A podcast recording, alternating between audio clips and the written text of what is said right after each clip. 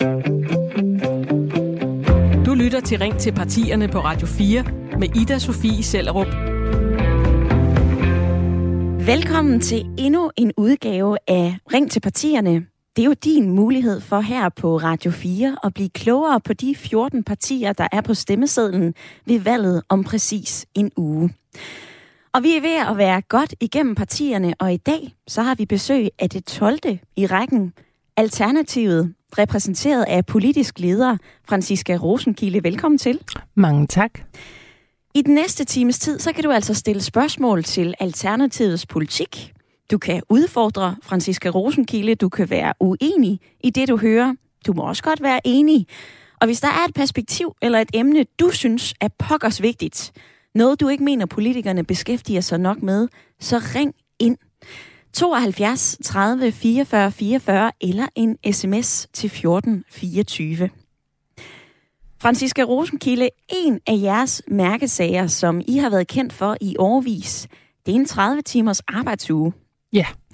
I tror på, at mange danskere kan blive syge af at gå på arbejde, og derfor så skal arbejdsugen sænkes til 30 timer, så der er mere tid til, citat, natur, kærlighed og kultur. Al sympati for det. Men hvis vi ser på virkeligheden, så mangler vi jo arbejdskraft. Altså virksomheder råber på flere hænder. Jeg har kigget i øh, Finansministeriets beregninger, og i maj, der viste de tal altså, at vi kommer til at mangle 80.000 danskere på arbejdsmarkedet alene ved dette års udgang. Ifølge beregningerne, så står det altså heller ikke til at blive markant bedre de næste par år, hvis ikke der bliver handlet på det her. Og i en anden undersøgelse fra Dansk Erhverv, så står der altså, at manglen på hænder har kostet danske virksomheder mindst 49 milliarder kroner alene i år. Af nedsat arbejdstid og en 30 timers arbejdsuge, så er det rigtige værktøj, når vi ser på et arbejdsmarked, der råber på flere hænder og har et milliardtab. Ja, det er vi sikre på i Alternativet, fordi virkeligheden er jo, at øh, over 400.000 danskere føler sig stresset hver dag. Sygeplejersker har så dårlige arbejdsforhold, at de øh, flytter til Norge for at få job der. Og vi kan ikke få den udlandske arbejdskraft, som vi har brug for på grund af stupide regler. Så det med arbejdsugens nedsættelse, det betyder jo, at vi får bedre arbejdsforhold. Det er i hvert fald en del af det også og at vi på den måde også skaber øh, bedre, bedre arbejdsliv for langt flere danskere. Det er jo ikke sådan, at alle skal arbejde 30 timer, ligesom i dag med 37 timer, så er det en norm. Men øh, med langt flere danskere skal have mulighed for at arbejde mindre, og så skal vi skabe øh, mere arbejde blandt dem, der i dag ikke kan arbejde på grund af de dårlige arbejdsforhold. Hvad siger du til det, du hører her?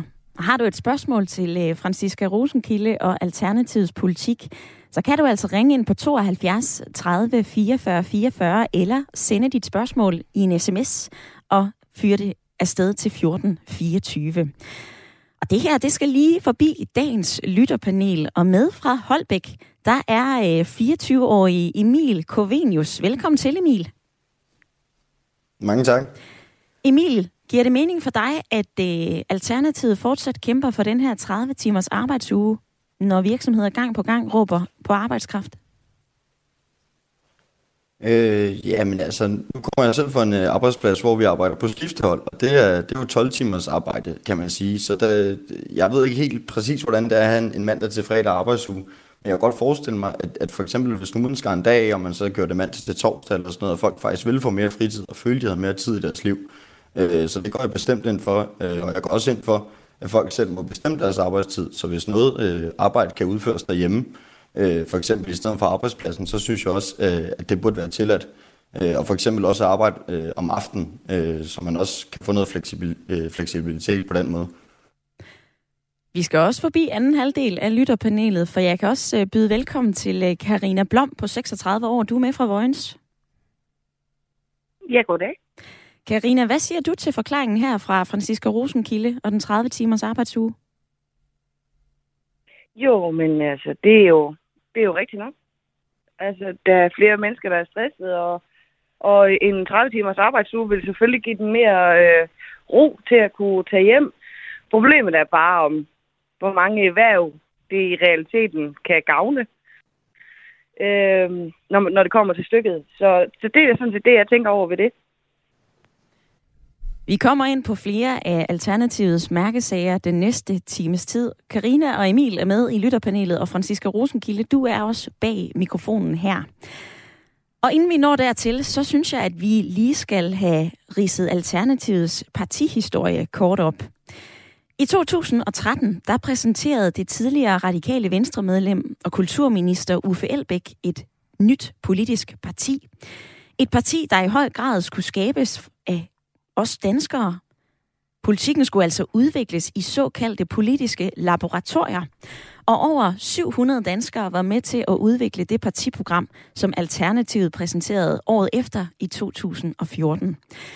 Partifarven er grøn, partibogstavet Å er også grønt, og den røde tråd gennem Alternativets politik er grøn, klima, miljø og natur.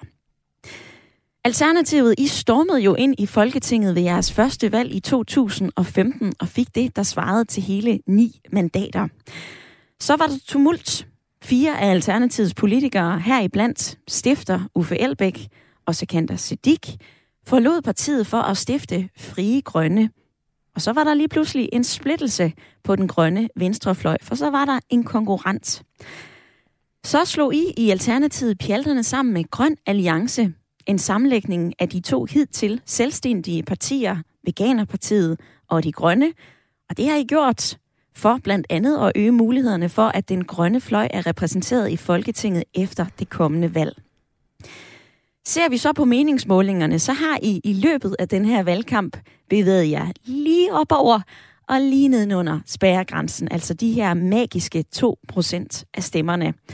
I dag så kom der en ny meningsmåling fra Voxmeter, og den viser altså, at I står til at få 1,7 procent af stemmerne. Så lige nu, så står I altså til at ryge ud af Folketinget. Hvis vi zoomer ind på dig, Franziska Rosenkilde, så har du været politisk leder siden den 7. februar 2021. Du er uddannet geograf og har også arbejdet som kok. Og så har du også været kultur- og fritidsborgmester i København fra 2018 til 2021. Og Franziska Rosenkilde, jeg ved ikke, om du selv holder styr på, hvor mange gange du siger, at der skal fart på den grønne omstilling. Jeg har i hvert fald hørt dig sige det en hel del gange, og det er jo også jeres uh, mærkesag nummer et. Mm-hmm. Men altså, fart på den grønne, grønne omstilling, det er I jo ikke uh, ene om. Hvis man vil stemme på et parti, som har klimaet allerøverst, så er der jo også de frie grønne. Hvorfor stemme på jer i Alternativet, og ikke dem? Jamen altså, det synes jeg jo selvfølgelig, man skal, fordi at, øh, at vi har politik på, øh, på alle de hylder, som, øh, som indgår i vores politiske projekt, som handler om en seriøs grøn omstilling til et bæredygtigt samfund. Så det er klimakrisen, som vi mener er den største krise, vi står i som samfund og skulle finde løsninger på, men det er jo også alle de andre kriser, vi står i, som nu hænger sammen. Lige nu er der en energi- og fødevarekrise og en økonomisk krise, men øh, der er jo også en trivselskrise, som vi var lidt inde på omkring 30 timers arbejdsuge. Altså vi har en, en ungdom og børn, som mistrives i uset grad, og, øh, og vi har stress som folkesygdom. Så det, der er i Alternativet, det er, nok er vi øh, meget optaget af klimakrisen, men vi, vi ønsker og arbejder faktisk for et bæredygtigt samfund hele vejen rundt, hvor vi i stedet har en økonomi, som understøtter den menneskelige trivsel inden for klodens bæreevne, frem for det her øh, enormt ensidige fokus på økonomisk vækst, der driver alle de her kriser her.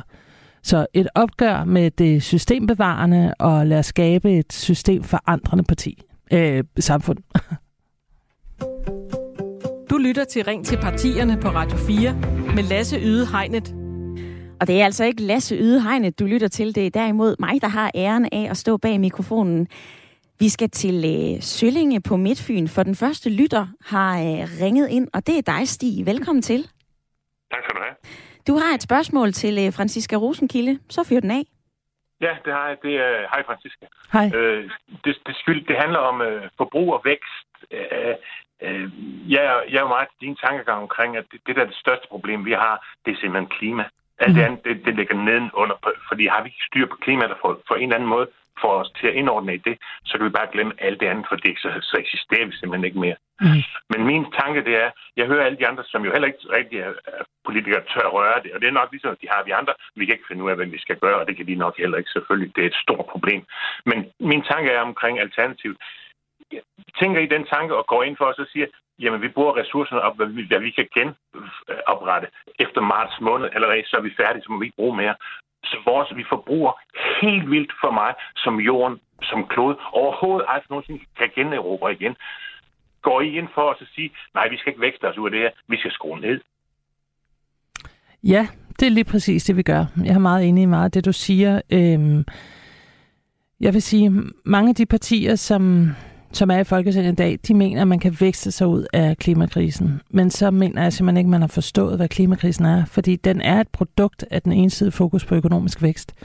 Og man kan ikke rigtig løse problemerne med samme metode, der har skabt dem. Altså det er jo som at, at hælde benzin på et bål. Så vi mener absolut et opgør med den ensidige fokus på økonomisk vækst. Øhm. Men kan man bare slukke for økonomisk vækst, bare lige sådan? Jamen, man kan ja, det er jo, det er jo politisk besluttet, så man kan jo også beslutte noget andet. Og øh, det, som vi gerne vil, det er en økonomi, som, som trives, men ikke som nødvendigvis vækster i, i det tempo, vi har set i Danmark gennem de sidste 40-50 år. Fordi nok er vi blevet økonomisk rige af det, men det har jo haft altså, voldsomme konsekvenser. Øh, vi har en klode, der er i brand. Altså, Hen over sommeren var der seriøst brand i hvert kontinent på hele kloden. Det er jo helt sindssygt at tænke på. Øh, oversvømmelser, tørke, alle de der billeder, vi ser. Det er jo ikke et normalt, stabilt klima. Det er jo et klima, der er på vej ud over kanten. Og det gør bare, at de fremtidige generationer, de har ikke de samme muligheder, som vi har i dag. Og det er drevet af en økonomisk vækst, fordi vi netop øh, overforbruger vores ressourcer i en grad, så kloden ikke kan nå at genoprette sig selv. Og det er en krise, der er meget drevet af, af de rigeste lande og de rigeste personer, for det er dem, der forbruger helt voldsomt meget. Så vi, vi skal ikke vækste os ud af det her. Vi er nødt til at omlægge vores økonomi, så den i langt højere grad arbejder for os, i stedet for at vi skal arbejde for økonomien, som vi så tit hører. Og det har både noget med menneskelig trivsel at gøre, men det har i særdeleshed også noget med klodens bageevne at gøre. Mm-hmm. Stig, jeg håber, at øh, det var et svar til dig. Husk, at du altså også kan ringe ind på 72 30 44 44 eller sende en øh, uh, sms afsted til 14 24. Og det har uh, Ina gjort. Ina, hun har skrevet ind, ønsker Franziska Rosenkilde atomkraft eller flere klimaødelæggende vindmøller? Jamen altså i Alternativet, der, øh, der ser vi ikke øh, mulighed for atomkraft på dansk jord. Øhm, Hvorfor ikke det? Jamen fordi at alt det forskning, der ligger, siger, at det tager både for lang tid, og det er for dyrt. Øh, og så er atomkraft jo ikke en vedvarende energi. Og selvom jeg er godt klar over, at der blev udviklet på det, og at det er anderledes end i 70'erne, så er der jo stadig nogle miljøudfordringer ved atomkraft, og der er noget affald, som er decideret miljøskadeligt, Øhm, og i Alternativet, der ønsker vi simpelthen at fokusere på vedvarende energi. Vi er super langt med vind og med sol, og vi ønsker i stedet for, at vi investerer langt mere i bølgeenergi og jordvarme, som er nogle mere vedvarende øh, og stabile øh, energikilder, end måske lige vind er. Så, øh, så der er meget mere at gøre på det vedvarende, frem for at, at starte op i en dyr og langsom proces med atomkraft. Men øh, man er jo også ved at finde løsninger på øh, det her affaldsproblem i øh, forbindelse med atomkraft. Det er jo noget, man arbejder på. Ja, det er det, men man er ikke langt nok i forhold til, hvor travlt vi har. Og vi synes, vi skal gå af den vedvarende energi i stedet for atomkraft. Der er simpelthen for mange store risici ved det. Altså, vi kunne bare se her i Frankrig, hen over sommeren, da de var igennem den her voldsomme tørke. De er simpelthen ikke vant til at køle deres anlæg ned, og det bliver pludselig Øhm, øh, virkelig et problem, miljøproblem, som kan ende i katastrofale katastro- altså, øh, katastrofer. Så, så det er ikke vejen at gå for os. Franziska Rosenkilde, du har jo også forud for øh, programmet her fortalt, hvilke mærkesager du ønsker at tale om, og øh, et af dem er landbrug. Altså fremtidens landbrug, der har Alternativet tre overordnede målsætninger på øh, landbrugsområdet.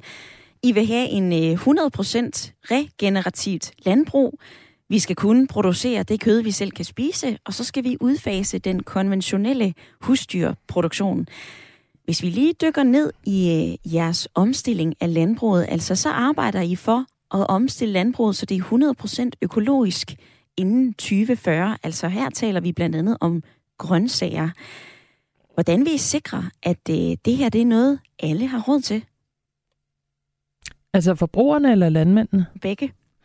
Jamen, jeg vil først og fremmest vil sige, altså det danske landbrug øh, er har et kæmpe potentiale til at være øh, bannerfører i den grønne omstilling, så jeg vil sige, at vi har ikke råd til at lade være, fordi hvis vi ikke gør noget, jamen så er der ikke noget landbrug om nogle år.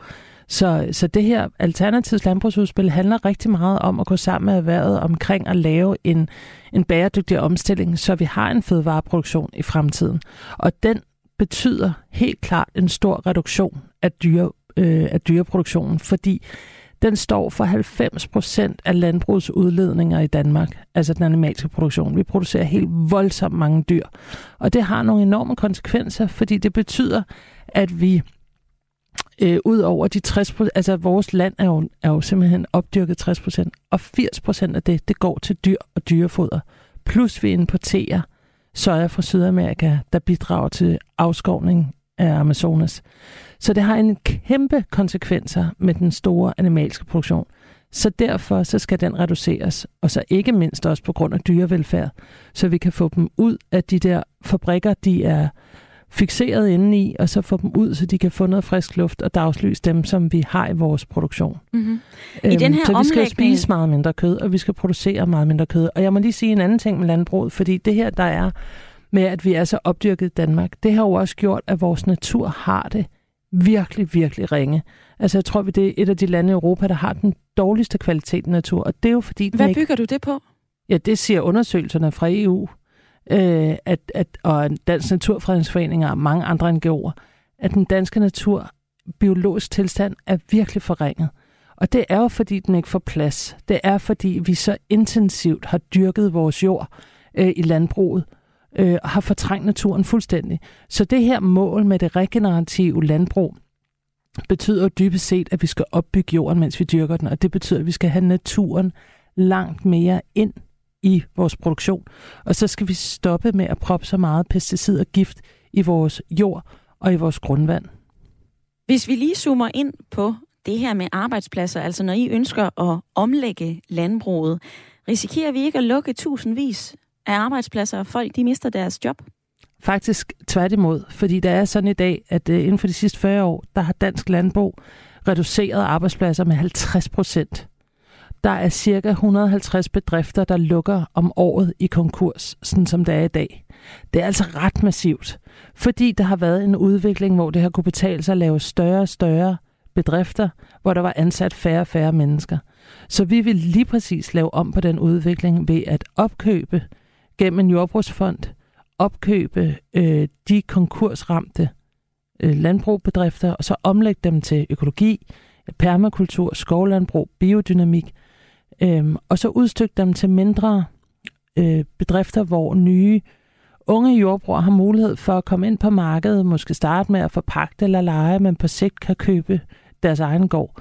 Øhm, så det her, det handler om at få en langt mere divers fødevareproduktion, altså mange flere planter og dyr sammen, så vi kan øge natur og biodiversitet, få højere beskæftigelse, dyrke plantebaserede fødevarer, så vi kan eksportere grønne varer, grønne fødevarer i stedet for dyr, og så have en langt mindre dyreproduktion, så vi ikke udleder lige så meget, så vi får bedre dyrevelfærd, og så vores miljø ikke knækker af det her intensive landbrug, vi har i dag. Hvis vi lige ser på øh, tallene i landbruget, du nævner også selv eksport. Jeg kiggede i øh, den seneste rapport fra, øh, fra Landbrug og Fødevare, altså alene eksporten på grise. Så eksporterede Danmark sidste år over 2 millioner ton grisekød til lande over hele verden, og det gav altså lige knap 33 milliarder kroner i kassen. Skal vi så bare gå glip af de penge? Nej, altså øh, de der regnskaber, de fås i forskellige størrelser, vil jeg sige. Øh, fordi landbruget er også et af de erhverv, der er allermest subsidieret overhovedet. Øh, og der er i hvert fald 10 milliarder om året fra EU. Øh, så der er mange forskellige øh, regnestykker i det der landbrug. Samtidig så skylder det danske landbrug over 300 milliarder til danske pengeinstitutter. Så det kommer meget an på, hvad for nogle, hvad for nogle regnskaber man kigger på. Men vi skal jo i stedet eksportere grønne fødevarer. Og, øh, og der er jo en masse nye arbejdspladser og øh, eksportindtægter i det. Så, øh, så det her handler ikke om penge. Det handler om klima, det handler om bæredygtighed, det handler om dyrevelfærd. Det handler om, hvad det er for en samfund, vi har lyst til at have. Og der er selvfølgelig også masser af arbejdspladser og indtjening i det. Men vi synes ikke, at dyr er noget, som skal eksporteres, som skal køre i lange dyretransporter ned gennem Europa, hvor de knap nok kan få vejret. Øhm, den dyremishandling, der foregår i produktionen i dag, den skal stoppe.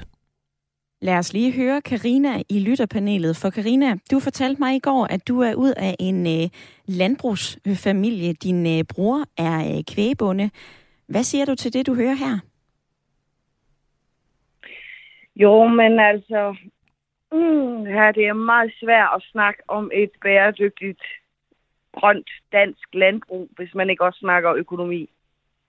Det er lidt ønsketænkning og tænke, at det kan lade sig gøre uden at snakke økonomi. Og så kunne jeg faktisk godt tænke mig at høre, fordi når Francisca hun sidder og, og snakker om, at vi skal lave øh, vi skal lave plantebaseret i stedet for dyrevelfærd, så tænker jeg lidt, vi snakker langbærende politik. Altså, det er jo ikke noget, der kan, for, der kan ske næste år. Det er heller ikke noget, der kan ske om fem år. Det må være langbærende politik, hun fokuserer på. Og det kunne jeg godt tænke mig at spørge, om det er rigtigt. Spørgsmål til dig, Francisca? Ja, altså vores øh, plan, den øh, løber frem mod 2030, og det er klart, landbruget skal igennem en kæmpe omstilling. Det gør man ikke øh, overnight. Det er helt sikkert. Og det er også derfor, jeg synes, at den landbrugsaftale, der blev lavet sidste år, er et kæmpe politisk svigt, fordi der er ikke nogen klar retning for landbruget der. Øh, og jeg synes, det er et politisk ansvar, fordi det er strukturelt. Øh, så det er et politisk ansvar at gå sammen med erhvervet og lave en bæredygtig omstilling, hvor landmændene er med, fordi jeg er fuldstændig enig, det er jo ikke den enkelte landmands øh, ansvar at, at omstille sig til klimavenlig produktion. Det er så strukturelt det her. Det er sådan indrettet, at det for eksempel al den landbrugsstøtte, der er, den er bedst givet gennem hektarstøtte, altså jo mere land du har, jo mere støtte får du. Den er rettet mod den animalske produktion. Øhm, og, og alle de her strukturer skal selvfølgelig laves, laves om, og det er et politisk ansvar. Og så mener jeg helt klart, at det er et samarbejde med erhvervet om at skabe et klimavenligt og bæredygtigt landbrug på sigt. Men vi skal i gang nu, for vi har rimelig travlt. Og vi har faktisk også lidt travlt her i øh, programmet, for der er to og et halvt minut til, at øh, der er et nyhedsoverblik. Men inden vi når dertil, så er der altså et spørgsmål, som kommer fra Bornholm. Og det kommer fra øh, spidskandidat for Dansk Folkeparti, Mette Sode Hansen. Velkommen til. Tak skal du have. Du vil gerne stille Franziska Rosenkilde et uh, spørgsmål. Det vil jeg rigtig gerne. Øh, jeg er meget optaget af socialt udsatte, handicappede og hjemløse. Og øh, man kan sige, at det danske velfærdssystem, som det hænger sammen nu, er jo meget omkostningstungt. Og det øh, kan jeg jo høre, at øh, det er øh, klimaområdet også. Men vi har jo bare ikke flere penge, end dem vi har. Så jeg er meget mere interesseret i at høre, hvordan at øh, Francisca vil øh, prioritere de penge, vi nu har, øh, i forhold til at kunne finansiere det fine klimaudspil. Altså uden at det går ud over de sociale udsatte. Franziska Rosenkilde? Ja, tak for det, Mette. Det er jo super centralt. Øhm, jamen altså, vi har, øhm, vi har finansieret vores jordbrugsfond i vores landbrugsudspil med 100 milliarder, hvilket er rimelig mange penge. De 50 af dem, dem tager vi fra øh, infrastrukturplanen. Øh, vi mener simpelthen, at det at bruge over 50 milliarder på nye motorveje er fuldstændig forkert vej at gå. Det er en, en fossil fortid, som vi er færdige med. Vi skal ikke have flere motorveje, der bliver lagt hen over unik natur med kæmpe CO2-udledning. Øh, vi skal i stedet for investere i den kollektive trafik og få den elektrificeret. Øh, de penge, dem vil vi gerne bruge på at lave den her jordbrugsfond, hvor vi, øh, hvor vi opkøber de konkursramte øh, bedrifter og omlægger den, og for øvrigt også skaffer øh, efteruddannelse til de landmænd, der ønsker at omstille sig til mere plante øh, brug. Så og der er altså stadigvæk en pose penge til de socialt udsatte, som Mette ja, Sodehansen fordi, og det var det næste, jeg vil sige, fordi jeg er fuldstændig uh, enig i, at der går, som, som jeg i hvert fald hørt med det, der, der går alt, alt for mange penge til systemet og byråkratiet, end til den enkelte borger, der har brug for velfærd. Øhm, og det er simpelthen fordi, at igen strukturelt, det, vi har bygget et system. Og jeg bliver med... desværre nødt til at bryde ind her. Du får taletid lige om lidt, Franziska okay, Rosenkilde. Vi skal gøre plads til nyhederne, og dem får du her.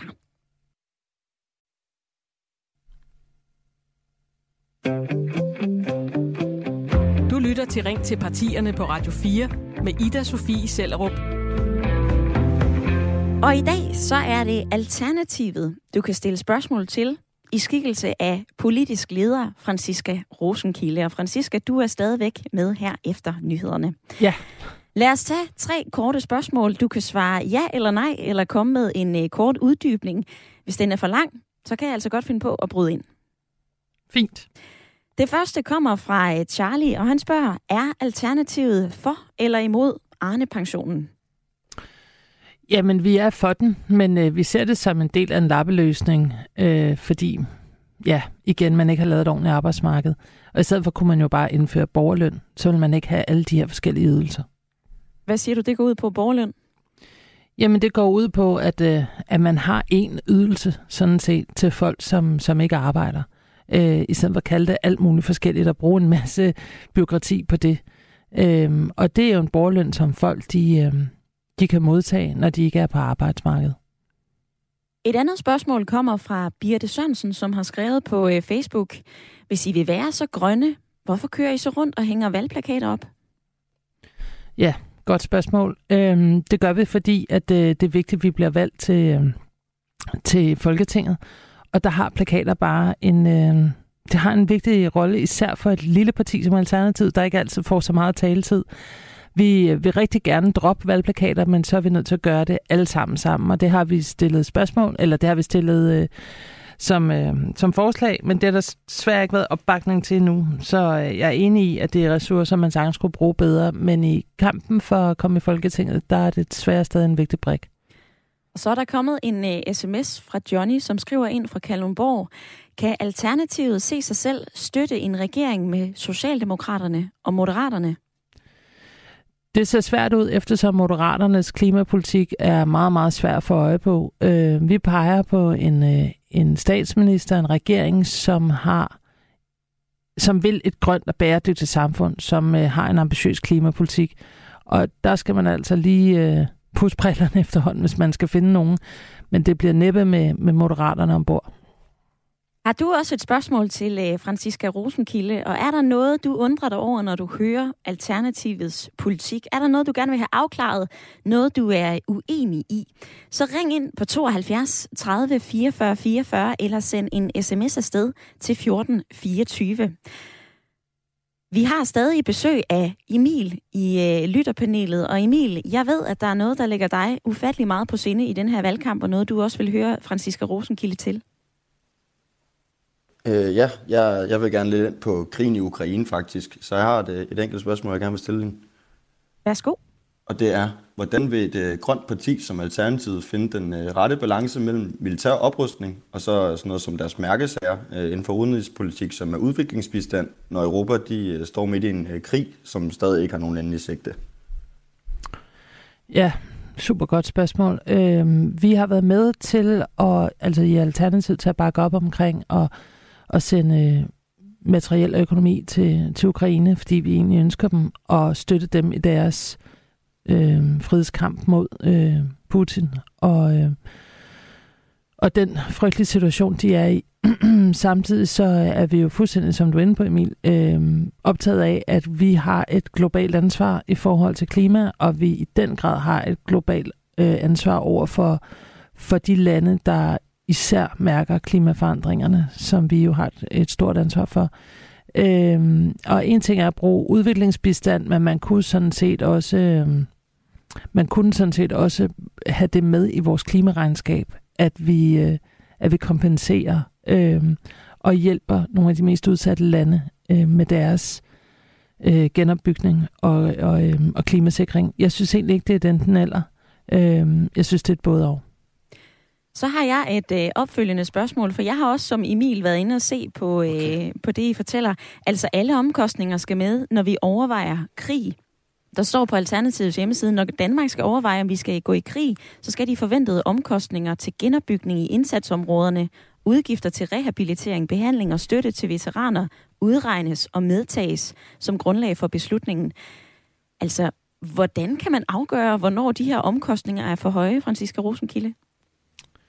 Jamen, det, er jo, det, der er meget vigtigt for os, det er, at, øh, at der, man er lige så ambitiøs i, øh, i planerne for nedrustning og i planerne for genopbygning, som man er øh, tydeligvis, når man vil opruste. Altså, det var meget, meget hurtigt, der kom et nationalt kompromis, der vil øge øh, udgifterne til NATO op til 2% af vores BNP, som er 18 millioner fremadrettet hvert år. Øh, 18 milliarder, håber jeg fik sagt. Øhm, og, og der mangler vi i høj grad, at man i langt høj grad er lige så ambitiøs på netop genopbygning og på nedrustning, fordi dybest set, så er det jo verdensfred, vi alle sammen gerne vil have. Og især et lande som for eksempel Rusland, som har atomkraft, det er jo det, vi dybest set er bange for. Så hvorfor er vi ikke lige så ambitiøse og kræver en, en plan for nedrustning? Og der mener vi helt klart, at det er vigtigt, at man i de her øh, forsvarsbudgetter og, øh, og NATO-budgetter indregner, hvad det koster at bygge op. Fordi vi kan jo se, hvad der sker, når der er, vi bare forlader landet efter krig, hvis vi ikke hjælper dem med at, at genopbygge. Så det er, det er helt klart vigtigt for os, at man I tænker det. Emil, hvad siger du til det, du hører? Det synes jeg faktisk lyder øh, undskyld, rigtig fornuftigt. Øh, men, men jeg også, øh, øh, altså, jeg har den holdning, at altså, lige nu så er der en krig, og hvis, hvis han og Putin og han så håndlanger der, og de vælger at fyre en atombombe sted, så er der altså ikke noget klima at redde til sidst, og der, der vil dårligt nok være at Europa er redde. Så derfor så, så synes jeg, at man skal, man skal handle her og nu på den, på den krig, øh, for ellers så, så er der sgu ikke noget klima at redde, som øh, Alternativet de, de står for at redde. Ja, jamen det er jeg jo enig med dig i. Altså, og det er jo også derfor, at vi bakker op om, øh, om alt det arbejde, som, som Danmark gør for Ukraine lige nu. Og, og det handler rigtig meget også om det samarbejde, der er i EU, og derfor er vi også glade for, at vi fik fjernet det forsvarsforbehold. Fordi det er vigtigt, at vi står sammen øh, i EU over for, for det her... Øh, for den her krig her, og også vores transatlantiske partnere jo i det her, øh, fordi det, der hjælper bedst her, det er at være en, øh, en stærk front imod Putin og, øh, og den øh, angrebskrig, han fører.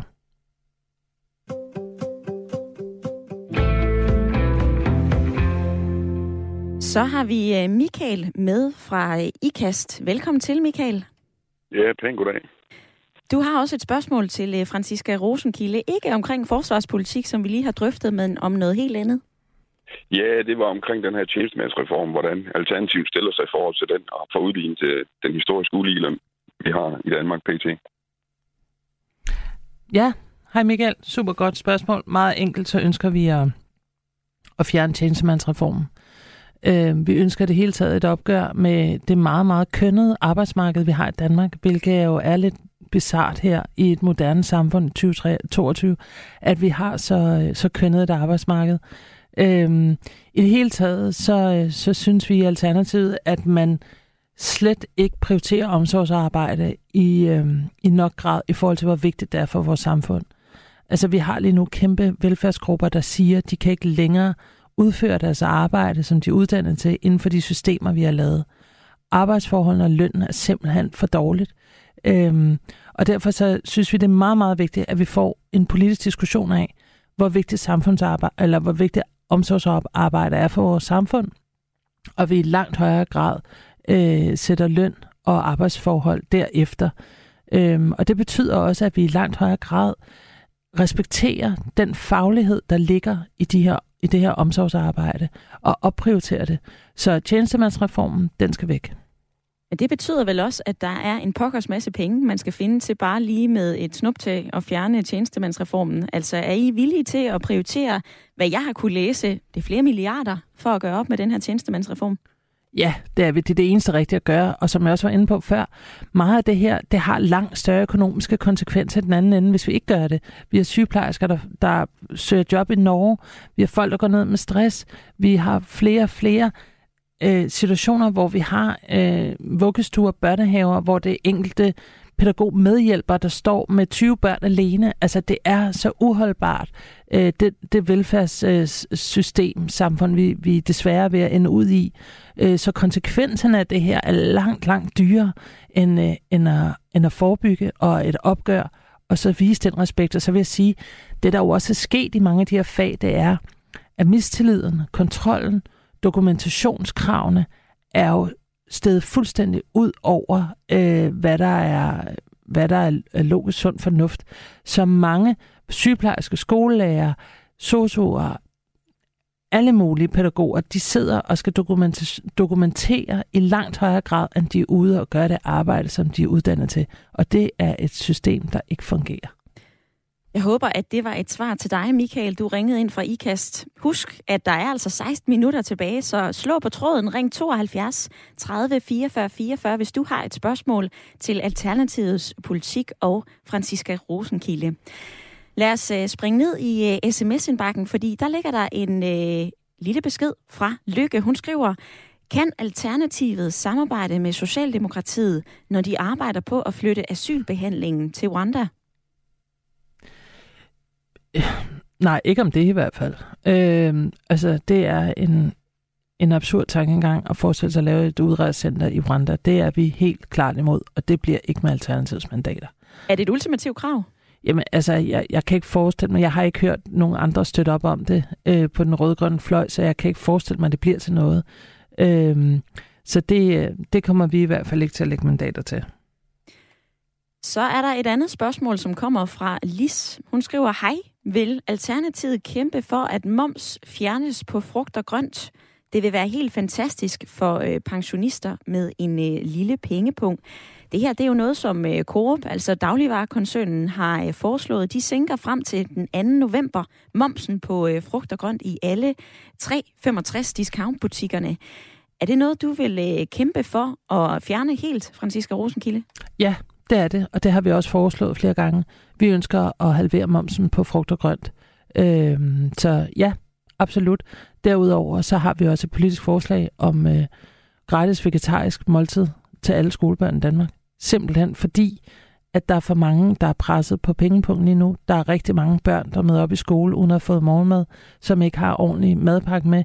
Øhm, og det er rigtig svært for børn at lære ordentligt, hvis de ikke får mad i løbet af dagen. Øhm, så et gratis vegetarisk måltid til alle børn, både så de har bedre læring, så de lærer at spise grønnere, og så vi også hjælper den sociale ulighed i sundhed. Det er faktisk noget, vi har diskuteret en hel del her i Ring til Radio 4, og hver eneste gang, at der bliver talt om øh, skattebetalt skolemad, så er der lyttere, som ringer og siger, hvor skal de penge komme fra? Hvor skal de det? Jamen, i dag er der forskellige ordninger, og dem kunne man jo lave om. Altså fordi hvis man har et enkelt måltid, som er vegetarisk, øh, så, er det, øh, så er det penge, der er i systemet. Igen, man kan tage for en masse af alt det byråkrati, der er i skolesystemet. Magten tilbage til lærerne og til skolen, og så er gratis måltid mad. Lad os lige høre Karina i øh, lytterpanelet. Hvad siger du til, øh, nu har vi jo både været forbi forsvar. Vi har også været forbi øh, moms på frugt, frugt og grønt og tjenestemandsreformen. Hvad siger du til øh, det, du hører, Karina? Jamen, det, det lyder jo det lyder jo fornuftigt, det hele. Øh, og det, det, der er jo ikke øh, noget af det, hvor jeg sidder og siger, at det er noget, der ikke kan lade sig gøre. Øh, men, men for at alt det her kan lade sig gøre, nu snakkede Franciske jo selv om, at vi skal have et systemforandrende samfund. Øh, så jeg tænker lidt på, om Alternativet de er åben for måske at kigge lidt på vores universalmodel, og så måske ændre den lidt. Fordi den fungerer jo ikke lige nu på det kort bane. Fungerer vores universalmodel ikke. Så måske, at det kunne være en idé at kigge lidt på, hvordan vi faktisk strukturerer vores velfærdssamfund sammen. Og det er lidt om. Et spørgsmål fra panelet til dig. Ja, faldt lige lidt ud til sidst. Øhm, jeg skal lige helt forstå, hvad, hvad der menes med universalmodel. Prøv lige at uddybe det. Vores, vel, jamen, vores velfærdssamfund ja. øh, er jo bygget på den universale velfærdsmodel. Ja, okay. Øh, og der er to andre. Der er en til Amerika, så er der en, og der også er den repræsentative, tror jeg, det er, det er Tysklands Ja. Øh, men vores universale velfærdsmodel, den hænger jo ikke helt sammen. Lige nu, som Nej. du selv siger, vi har ingen hænder til omsorgen, øh, og meget af det er blevet privatiseret, og folk bruger det private. Så måske man skal kigge lidt på at omstrukturere den. Ja, det er jeg fuldstændig enig i, øh, som jeg har været inde på nogle gange. Så øh, har det udviklet sig til en voldsom centralisering, som har gjort, at man simpelthen har taget øh, respekten og magten væk fra fagligheden, og det er et kæmpe problem. Øh, til gengæld har man øh, lagt en enorm dokumentationskrav og byråkrati ned over omsorgsarbejde, og det har altså virkelig smadret rigtig meget, øh, fordi det gør, at der ikke er den oplevede velfærd derude, fordi at vores omsorgspersoner sidder og laver alt muligt andet, end det de egentlig er uddannet til. Så vi skal lave de systemer om. Øh, for det er jo ikke fordi, at de er blevet billigere, tværtimod. Så der er altså også penge inden for selve velfærdssystemet, som kan bruges langt, langt bedre. Og så må jeg sige, det her med at omstrukturere, det handler jo også om, at vi skal omfordele ressourcerne i vores samfund. Hvorimod uligheden lige nu stiger, det vil sige, at de få, der har meget, de får meget, meget mere per år. Og det skal vi altså beskatte på en helt anden måde. Sådan så at dem, der forurener mest og tjener mest, de skal altså også betale mest. Jeg håber, at øh, det var svar på øh, spørgsmålet, som kom fra Karina i lytterpanelet. Franziska Rosenkilde, du har også mulighed for at stille et spørgsmål til øh, Karina og Emil lige om lidt. Der er bare et spørgsmål fra Mass, som øh, skriver ind, der presser sig på. Han skriver, Hej Franziska, hvorfor støtter I en nedsættelse af elafgiften i hjælpepakken, når det risikerer at betyde mere brugt strøm? Mm. Skal vi ikke spare? Jo, det skal vi, og det kommer vi også til. Øh, fordi at selvom at vi er med i, i den her hjælpepakke, så, øh, så kommer vi til at spare, fordi at priserne kommer til at stige alligevel. Men det er bare heller ikke godt for den grønne omstilling, at folk må gå for hus og hjem og det er jo den situation, vi er i lige nu for mange danskere. Det er ikke bare en forbrugspakke øh, og cafépenge. Det her, det er folk, som ikke kan betale deres regninger. Som jeg sagde før, det er børn, der kommer i skole uden morgenmad. Det er, altså, det er lige præcis at holde hånden under de allermest udsatte. Så vi kommer til at skrue ned for forbruget, for vi skal skrue ned for forbruget. Og så reagerer Torben på det, du lige har fortalt. Han skriver, borgerløn, nedsat arbejdstid, gratis måltider i skolen, reduceret moms på frugt og grønt. Hvem skal tjene pengene til det her system? Hvis de brandbeskatter det private erhvervsliv, så forsvinder de store virksomheder fra landet. Eller vil man bare plukke dem, der har de største formuer? Ja, altså, øh, jeg vil gerne udfordre myten om, at, øh, at, øh, at øh, virksomheder forlader landet. Øh, fordi det, det viser mange undersøgelser på, at det passer simpelthen ikke, fordi det danske samfund er af mange grunde gode for en virksomhed at ligge i, og det skal det også fortsætte med at være. Men når man for eksempel laver en grøn skattereform, hvor det er, at man holder hånden under Aalborg Portland og lignende, som er de største, mest udledende fabrikker i Danmark, som ikke har særlig mange ansatte, men som tjener rigtig mange penge, så lader man alle de små og mellemstore progressive virksomheder betale den CO2-afgift. Og det er jo en helt forkert prioritering. Det er jo netop dem, der har størst omsætning, som har den største udledning, som også skal betale mest. Så netop de små og mellemstore virksomheder, hvor alle de progressive og grønne løsninger, de lige nu bliver udviklet, at vi bakker op om dem. Så det er, det er simpelthen en omfordeling af ressourcer, det er ikke fordi, at, øh, at man skal brandbeskatte nogen, som, som ikke øh, kan holde til det. Tværtimod. Øhm, ja, så det er omfordeling af ressourcerne, som understøtter i langt højere grad den menneskelige trivsel inden for klodens bagevne. Franziska Rosenkilde, nu er øh, taletiden din, skulle jeg øh, næsten til at sige. Nu har du mulighed for at stille Karina og øh, Emil i lytterpanelet et spørgsmål. Jamen tak for det, og tak for jeres gode spørgsmål og, og inputs, øh, Karina Emil. Øh, jamen jeg tænker jo øh, på som politiker, øh, min, øh, min største opgave, det er jo at være relevant for jer. Så jeg er jo selvfølgelig super optaget af, hvad I tænker på øh, i hverdagen. Og derfor så kunne jeg godt tænke mig at høre jer begge to om, hvad kunne I godt tænke jer at have mere tid til i hverdagen? Hvis vi begynder i Holbæk hos dig, Emil, Uh, ja. det, det synes jeg faktisk, det er et svært spørgsmål. Men altså, ja, men altså, jeg kunne, jamen, som hun også nævner i starten, altså det der med en 30 timers arbejdsuge, jeg synes sgu ikke, det er en dårlig idé, fordi det den ene dag, altså og så også overgang i, at man går fra en 37 timer til en 30 timer. Det vil også, altså alene det, det vil lægge et, et, et, et kæmpe tryk fra folks skuldre. Øh, altså, de vil generelt bare få, få mere tid til det, de siger, de ikke har tid til i hverdagen. Så, så altså, jeg vil gerne have mere tid i hverdagen til at, til at slappe af simpelthen. Bare til at få noget frirum op i hovedet. Og hvad med dig, Karina? Jamen, jeg kunne faktisk bare godt have tænkt mig, tænkt mig at have mere tid til at være mor. Øhm, nu har jeg et, et barn på syv, så vi er ved at være over det. Men jeg kan da huske, at da jeg var på arbejdsmarkedet, og mit barn han var i øh, børnehave, hvor der er den der kulturelle regel om, at når de har, har fedt, de, de var feberfri i 48 timer, og de spiller jo hinanden konstant, så arbejdsmarkedet har faktisk ingen forståelse for, at man skal være forældre for sine børn. Og, og jeg mangler det stadigvæk. Jeg mangler stadigvæk en forståelse for, at man skal være forældre. For det er der faktisk ikke tid til. Så, så det er den tid, jeg mangler.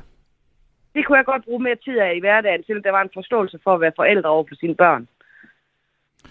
Ja, hvor er det bare nogle mega gode svar. Altså det må jeg sige, fordi det er jo lige præcis det, det handler om. Det handler om, hvad er det for et samfund, vi har lyst til at leve i. Og det er jo netop et samfund, hvor der er, man både har tid til at slappe af og se sine venner og hvad det måtte være, men især også det med at være forældre og have tid til sin familie. Øhm, og det er jeg egentlig også glemt med at sige før omkring den her 30 timers arbejdsuge, det er, der er jo store firmaer, der gør det. Der er kommuner, der prøver forsøg, og hver, hver gang man laver forsøg, så ser man faktisk, at produktiviteten den stiger. Man får færre sygedage, og i det hele taget giver det langt bedre tal på bundlinjen, end når man øh, presser øh, sådan stresset hverdag ned over folk. Netop fordi, at man har brug for ro til at vide, at man kan passe på sit barn, når det er sygt, at man har tid til at koble ordentligt af og få andre indtryk fra natur, kultur, venner, relationer, hvad det nu kan være. Så det er også godt for produktiviteten, at Men vi nedsætter arbejdstiden. Men de her input, du nu har fået fra Karina og øh, Emil, al sympati for det, de fortæller om. Hvad vil du bruge det til? Jamen, jeg bekræfter, det bekræfter mig i, at det med en 30 timers arbejdsuge eller 4 dages arbejdsuge, det er noget, vi skal kæmpe for, fordi det vil betyde rigtig meget for mange danskere at få langt mere værdifuld tid, som de selv kan råde over, frem for at sidde fastspændt i et arbejdsmarked. Karina og øh, Emil, tak fordi at I havde øh, mulighed og lyst til lige at svare på det spørgsmål for øh, åben mikrofon. I er ikke forberedt på noget som helst, skal jeg huske at sige. Så, øh, så tak for at øh, give det svar videre til øh, Franziska Rosenkilde. Vi skal til Kolding og tale med Lasse, som øh, er meget ivrig for at komme igennem og har ventet tålmodigt. Velkommen til, Lasse. Tak for det. Lasse, du har et spørgsmål til øh, Alternativet. Ja, det har jeg. Jeg, øh, jeg tænker lidt på, hvordan Alternativet vil øh, elektrificere trafikken. Om det skal være, fordi vi skal over i flere tog, eller om det skal være trafikken generelt. Ja. Jamen altså, godt spørgsmål, Lad os have. Øh, ja, øh, togene skal elektrificeres, og så skal vi jo have øh, et stof for fossilbiler, gerne allerede i 2025, for nye fossilbiler i hvert fald. Øhm, men, men lykken er jo ikke gjort ved, at alle, der har bil i dag, bare får en elbil, fordi det har jo også nogle udfordringer. Så vi er nødt til at gøre det langt mere attraktivt at bruge det kollektive. Øhm, og det burde vi investere langt mere i, end vi gør nu. Det er både for dyrt og for bøvlet, øhm, og er ikke bidrækkende nok. Øh, så, så den kollektive trafik skal elektrificeres, og den skal opgraderes. Og så skal vi have et stof for nye fossile biler, Øh, og vi skal også øh, stoppe de store motorvejsprojekter hen over unik natur, fordi al forskning siger, jo flere motorveje vi bygger, jo flere biler får vi. Øh, og i forhold til de store byer, i hvert fald København, ønsker vi langt mere road pricing, fordi der er rigtig gode muligheder for kollektiv trafik inde i byerne, så er ingen grund til, at man tager sin bil med derind.